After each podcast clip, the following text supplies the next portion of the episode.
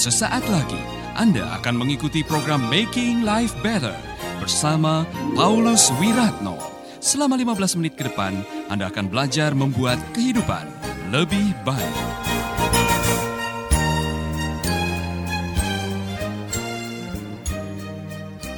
Orang yang bisa menggandakan uang, ya kan saudara tahu itu Dimas Kanjeng lagi heboh.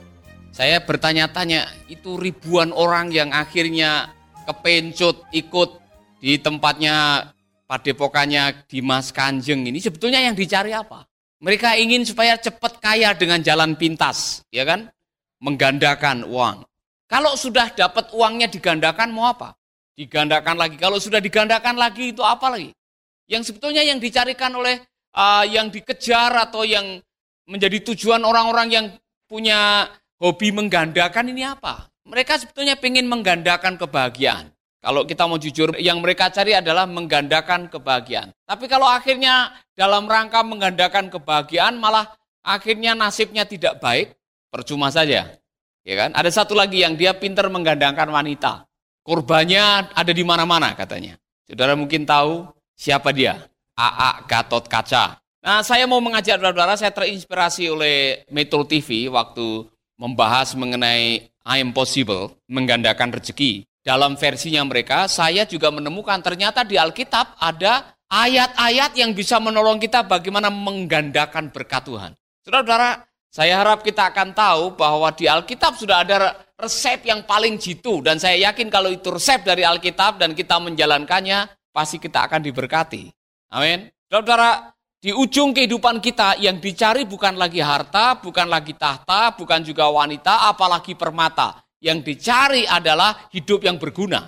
Kalau orang sudah sampai di titik ini, maka apa saja yang ada di sekitarnya, kalau dia tahu untuk apa dia diberkati, untuk apa dia dikasih tahta, untuk apa diberi posisi, untuk apa diberi amanah, maka orang itu akan tahu bahwa ujung-ujungnya ialah kebahagiaan itu ditemukan bukan waktu mengumpulkan, bukan waktu mendapatkan, bukan waktu menduduki, tapi pada waktu kita bisa menggunakan apa yang Tuhan percayakan dalam hidup kita. Untuk itu, rahasia pertama untuk menggandakan berkat Tuhan atau rezeki ialah tahu untuk apa rezeki itu diberikan kepada saudara. Untuk apa kita diberkati? Tanyakan kepada teman saudara, untuk apa kamu diberkati? Untuk apa saudara diberkati? Untuk apa saya diberkati? Untuk apa saudara diberkati? Kita diberkati oleh Tuhan supaya bisa menjadi berkat buat orang lain. Amin. Nah, ini dengar baik-baik. Ada ayat yang saya pikir ini bagus sekali buat kita semua. Muliakanlah Allah dengan hartamu. Muliakanlah Allah dengan hartamu. Jadi kalau saudara diberkati oleh Tuhan, saudara diberi rezeki oleh Tuhan, saudara diberi kelebihan oleh Tuhan, saudara diberi kelimpahan oleh Tuhan, jangan lupa tujuan utamanya ialah Allah ingin dimuliakan dengan rezeki yang ada di tangan saudara. Tetapi kalau harta, kekayaan saudara hanya untuk menaikkan harga diri saudara, supaya saudara bisa dihormati, bisa terkenal, bisa disegani, bisa masuk TV, bisa menjadi orang yang terkenal, saya pikir suatu saat saudara akan menyesal. Karena tujuan akhir berkat yang dari Tuhan ialah untuk memuliakan Tuhan. Saudara tahu untuk apa dia memberikan itu? Di dalam Amsal dikatakan, jangan bersusah payah untuk menjadi kaya. Tinggalkanlah niatmu ini. Kalau engkau mengamat-amatinya, Amsal pasal 23 ayat 3, 4, dan 5, saudara-saudara. Kalau engkau mengamat-amatinya, lenyaplah ia karena tiba-tiba ia bersayap. Lalu terbang ke angkasa seperti Raja Wali. Hartamu itu sifatnya sementara. Kalau ia dititipkan kepada kita karena Allah ingin supaya kita tahu harta itu dipakai untuk memuliakan namanya.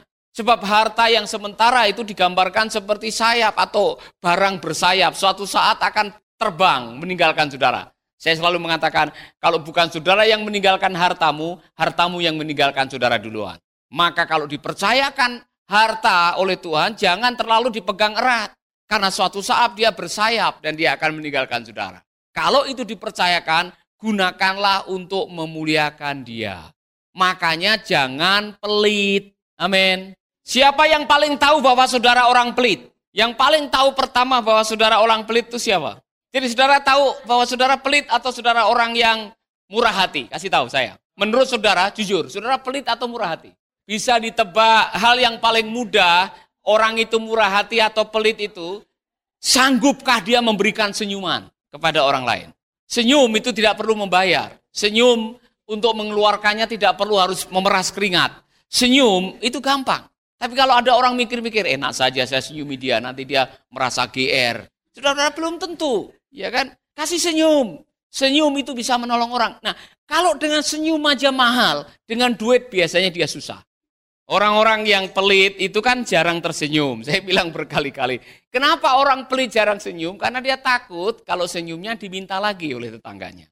Oleh karena itu mereka jarang senyum. Kalau kita tahu bahwa harta itu diberikan untuk memuliakan namanya, saudara-saudara, ketika kita menggunakan kekayaan, pangkat, kedudukan, rezeki untuk memuliakan namanya, yang punya rezeki pasti akan senang. Kalau saya memberi sesuatu kepada saudara, kemudian apa yang saya berikan kepada saudara dipakai untuk memuliakan yang memberi, pasti yang memberi senangnya bukan main. Besok saya kasih lagi dia. Amin. Tapi kalau saudara dapat rezeki habis untuk main perempuan, berjudi, narkoba, kemudian saudara akhirnya mengalami kesulitan, pasti saudara tidak akan pernah bahagia dengan apa yang ada, bahkan saudara akan menghadapi malapetaka. Gunakanlah hartamu untuk memuliakan Tuhan. Amin.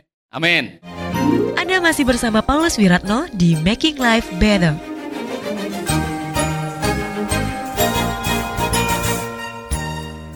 Itu ketahuan kalau lagi ngumpul-ngumpul, makan-makan. Siapa yang duluan keluarkan uangnya, nah itu orang murah hati. Siapa yang berdoa, oh Tuhan tolong supaya ada yang tergerak hari ini untuk meraktir kami. Padahal saudara punya duit. Kalau saudara dalam hati ada seperti itu, nunggu dulu, nunggu siapa yang ngasih. Saudara bisa ngecek hatimu kayak apa. Amin. Orang tahu pada akhirnya siapa yang murah hati, siapa yang pelit, siapa kalau makan tidak pernah tidak pernah keluar satu sen pun karena mengharapkan orang lain yang traktir. Itu ketahuan sekali. Berlomba-lombalah untuk bermurah hati. Generosity itu datang dari hati. Kemurahan hati itu namanya datangnya dari hati. Jadi orang yang murah hati dia akan menggunakan apa yang dia miliki untuk memuliakan Tuhan dengan cara memberi. Amin. Nah, dengar baik-baik. Murah hati tidak ada hubungannya dengan kaya atau miskin. Orang yang murah hati tidak ada hubungannya dengan kaya atau miskin. Karena ada orang yang kaya belum tentu dia murah hati. Demikian juga dengan orang miskin belum tentu dia pelit. Jadilah orang yang murah hati karena it is more blessed to give than to receive. Lebih diberkati memberi daripada menerima. Gunakan hartamu untuk memuliakan nama Tuhan. Orang-orang yang menggunakan hartanya untuk memuliakan nama Tuhan, dia akan mendapatkan pesugihan seperti Amsal 11 ayat 24 25. Catat baik-baik. Tulis di tulisan dengan tinta emas, masukkan di dompetmu. Ada ayat yang bunyi, ada yang memberi, memberi, memberi, memberi, memberi, tambah kaya. Ada yang menyimpan, menyimpan, menyimpan, menyimpan, tambah miskin. Karena apa? Setelah disimpan dicuri orang ternyata. Sudah disimpan, disimpan, simpan, pikirnya masih memiliki. Ternyata sebetulnya sudah tidak ada karena sudah ada yang mengambilnya. Diberkatilah yang mengambilnya. Supaya tidak kena malapetaka, ya kan? Saudara-saudara, saya mau mengatakan kepada saudara, itulah sebabnya mengapa Tuhan mengatakan, jangan takut memberi. Kalau engkau diberi rezeki, engkau diberi limpahan, jangan lupa engkau diberi untuk memberi. Diberkati untuk memberkati. Amin. Rahasia kedua untuk menggandakan berkat ialah sering-seringlah mengucap syukur. Amin. Ada ayat yang luar biasa saya temukan. Ayat ini dalam Yeremia 30 ayat 19. Konteksnya memang Tuhan memulihkan umat Israel setelah lama sekali berpuluh-puluh tahun di penjara atau dimasukkan di dalam pembuangan dan di bawah sebuah tirani seorang raja yang jahat.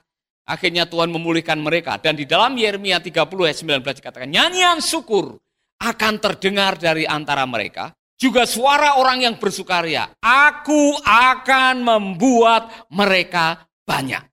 Salah satu tanda di mana Allah memulihkan dan Allah akan memulihkan umatnya ketika umatnya banyak bersyukur. Orang yang mudah bersyukur, mensyukuri rezeki dari Tuhan, itu biasanya akan dilimpahi dengan rezeki. Amin. Kalau saya membawa hadiah nih, saya suruh anak SPPT maju ke depan dan masing-masing saya kasih hadiah iPad satu-satu. Senang nggak? Tapi ada satu yang mengatakan, apa ini Pak? Hadiah macam begini mas saya enggak perlu. Kasih yang lain dong, masa kasih hadiah kayak beginian. Lain kali kalau saya ada rezeki, orang ini tidak bakalan saya lirik. Namanya pun terhapus dari daftar pemberian. Iya kan? Dia tidak menghargai pemberian. Tapi orang yang datang mengatakan, terima kasih Pak. Terima kasih Pak. Aduh, saya sangat butuh sekali Pak. Saya sudah berdoa 15 tahun untuk dapat iPad ini. Saya pasti bisa, wah luar biasa. Orang ini menghargai pemberiannya. Amin. Orang yang mengucap syukur, dia sedang menghargai apa artinya diberkati dan dia sedang menindikan siapa yang memberkati dia.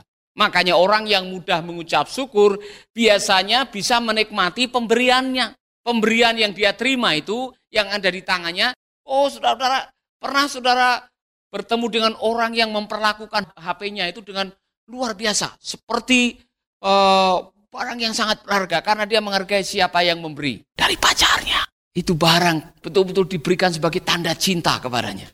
Dia perlakukan HP-nya itu seperti manusia. Bersihkan, dia perlakukan di mana-mana. Setiap dia, oh dia melihat barang itu dia langsung ingat siapa yang memberi. Kalau dia peluk barang itu dia seperti memeluk orang yang memberi. Sudah dia perlakukan itu dengan ucapan syukur yang luar biasa. Saya yakin yang memberi, kalau tahu bahwa pemberiannya diperlakukan seperti itu, mungkin tahun depan dia belikan lagi. Ya kan? Masih ingat itu orang sakit kusta 10 yang disembuhkan oleh Tuhan? Berapa yang kembali? Yang lain-lain tidak menghargai apa yang dilakukan oleh Tuhan. Dan ini bisa terjadi dengan kita semuanya. Waktu kita tidak bisa bersyukur kepada Tuhan dalam hal-hal yang kecil, saudara akan sulit mengucap syukur dalam hal-hal yang besar. Belajarlah mengusap syukur kepada Tuhan, bahkan dalam hal yang kelihatannya sepele.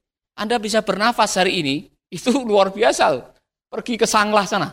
Berapa orang yang sekarang ini megap-megap dan harus dibantu dengan pernafasan bantuan dan berapa mahalnya oksigen itu. Saudara akan tahu itu mahalnya bukan main. Kalau saudara bisa menikmati udara yang segar, menyaksikan sinar matahari yang menghangatkan, menikmati nasi sama kangkung dan tempe tadi pagi, bersyukurlah kepada Tuhan. Amin. Siapa yang kalau lagi makan di meja makan belum apa-apa sudah mengatakan, nah tempe lagi, tempe lagi.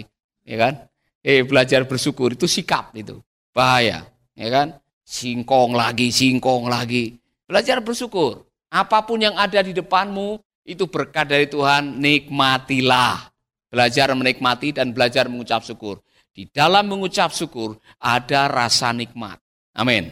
Saya sering mengatakan, coba saudara bayangkan saudara pulang dari kantor, baru kerja, sedang makan, di depan ada nasi, daun singkong, sama sambal. Ya kan? Sudah mau berdoa ini. Tiba-tiba saudara cium tetangga, ada sate ini, bau sate ini. Ada babi panggang, Eh, kemudian saudara lihat, kau masak apa? Oh, istri saya masak babi panggang, pecel lele, sate babi. Kemudian saudara menghadapi ini. Meskipun saya susah. Kemudian saudara meneteskan air mata. Dan tidak bisa menikmati apa yang ada di depannya karena terlanjur melihat apa yang punya tetangga. Itu bahaya sekali saudara. Waktu saudara membandingkan apa yang dimiliki oleh orang lain, saudara tidak bisa mensyukuri apa yang ada di tangan saudara, akhirnya saudara tidak bisa menikmati apa yang di depan saudara. Bertobat. Sahabat, Anda baru saja mengikuti program Making Life Better bersama Paulus Wiratno. Terima kasih atas kebersamaan Anda. Tuhan memberkati.